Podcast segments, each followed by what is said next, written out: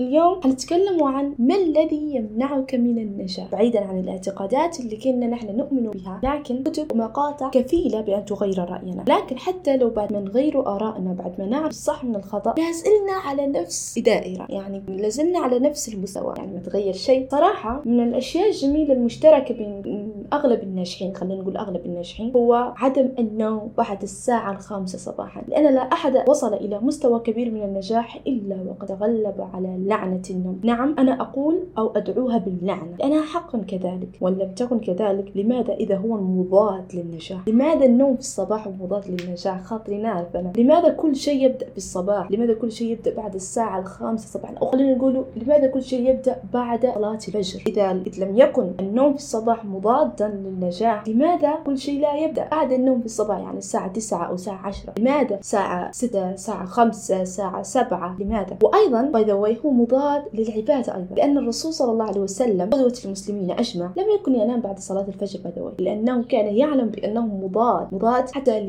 لما أمرنا به الإسلام. من الآن من الآن من اللحظة هذه إذ لم تستيقظ بعد صلاة الفجر وتركض وراء أحلامك وقد علمت بأن النوم في صلاة النوم بعد صلاة الفجر لعنة. ورغم كل ذلك سوف تنام غدا أيضا. دعني أقول لك بأن تلك الأحلام أو الأمنيات التي تريدها هل هي أغلى من النوم؟ يعني سؤال بس هل هي أغلى من النوم إنك ترقد ثلاث ساعات خمس ساعات. خمس ساعات هذين تقدر تستغلهم في إنك تدير حاجة باش تخطي حتى لو خطوة بسيطة نحو ذلك الحلم. أكيد ذلك الحلم يحتاج نوم. أكيد يحتاج حاجة. أكيد يحتاج أي شيء. ليش من الأعذار. ليش من الأعذار إنك تقول okay أنا نبي نبدأ مشروع لكن okay المال ما عنديش. المشروع هذا بروحه يحتاج علم باي يحتاج إدارة كويسة. أنت الفلوس لو ما جاتكش خذ العلم. حاول إنك تتعلم. أوكي في ناس أكيد وصلوا للمجال اللي أنت تبي تدير مشروع فيه. حاول إنك تتعلم منهم. في حاجات واجدة أنت لازم تديرهم راه. مش المال فقط يصير منه مشروع. لا ما عمرش المشاريع يعني أنت إذ لم تركض وراء أحلامك من الآن من اليوم أو من الغد. اليوم أو من الغد. وعدم النوم بعد صلاة الفجر. فاعلم أنك لا تستطيع أصلا هذا سيعني أن تلك الأحلام أكبر منك. أن تلك الأحلام أهم من النوم. وستضع حدود بينك وبين أحلامك ولن تستطيع أن تتجاوزها إلا إذا كسرت هذه الحدود. ولعنة النوم باستيقاظك كل يوم في الساعة الخامسة صباحا. وعدم النوم بعد ذلك. وأن تستغل نشاط عقلك في هذا الوقت وتبدأ في تعلم وتعليم ودراسة ومحاولة تعلم مهاراتك وتنميتها والكتابة والرياضة. إذا كنت تريد أن تصبح ناجح أو حتى فاحش أو أي حاجة أو مبدع في أي مجال من المجالات الموجودة حاليا التي تحبها يجب أن تفكر مثل أولئك الناس الذين استطاعوا النجاح في تلك المجالات أو الذين أصبحوا من أغنى الأغنياء العالم. ولكن مؤكدة بأن هناك قاسم مشترك بينهم وهو أنهم قد كسروا لعنة النوم الصباح. لعنة النوم في الصباح ضاد النجاح لن تصبح ذلك الإنسان الذي تريده بينما أنت نائم بأرض الواقع إلا إذا كنت تريدها في الخيال.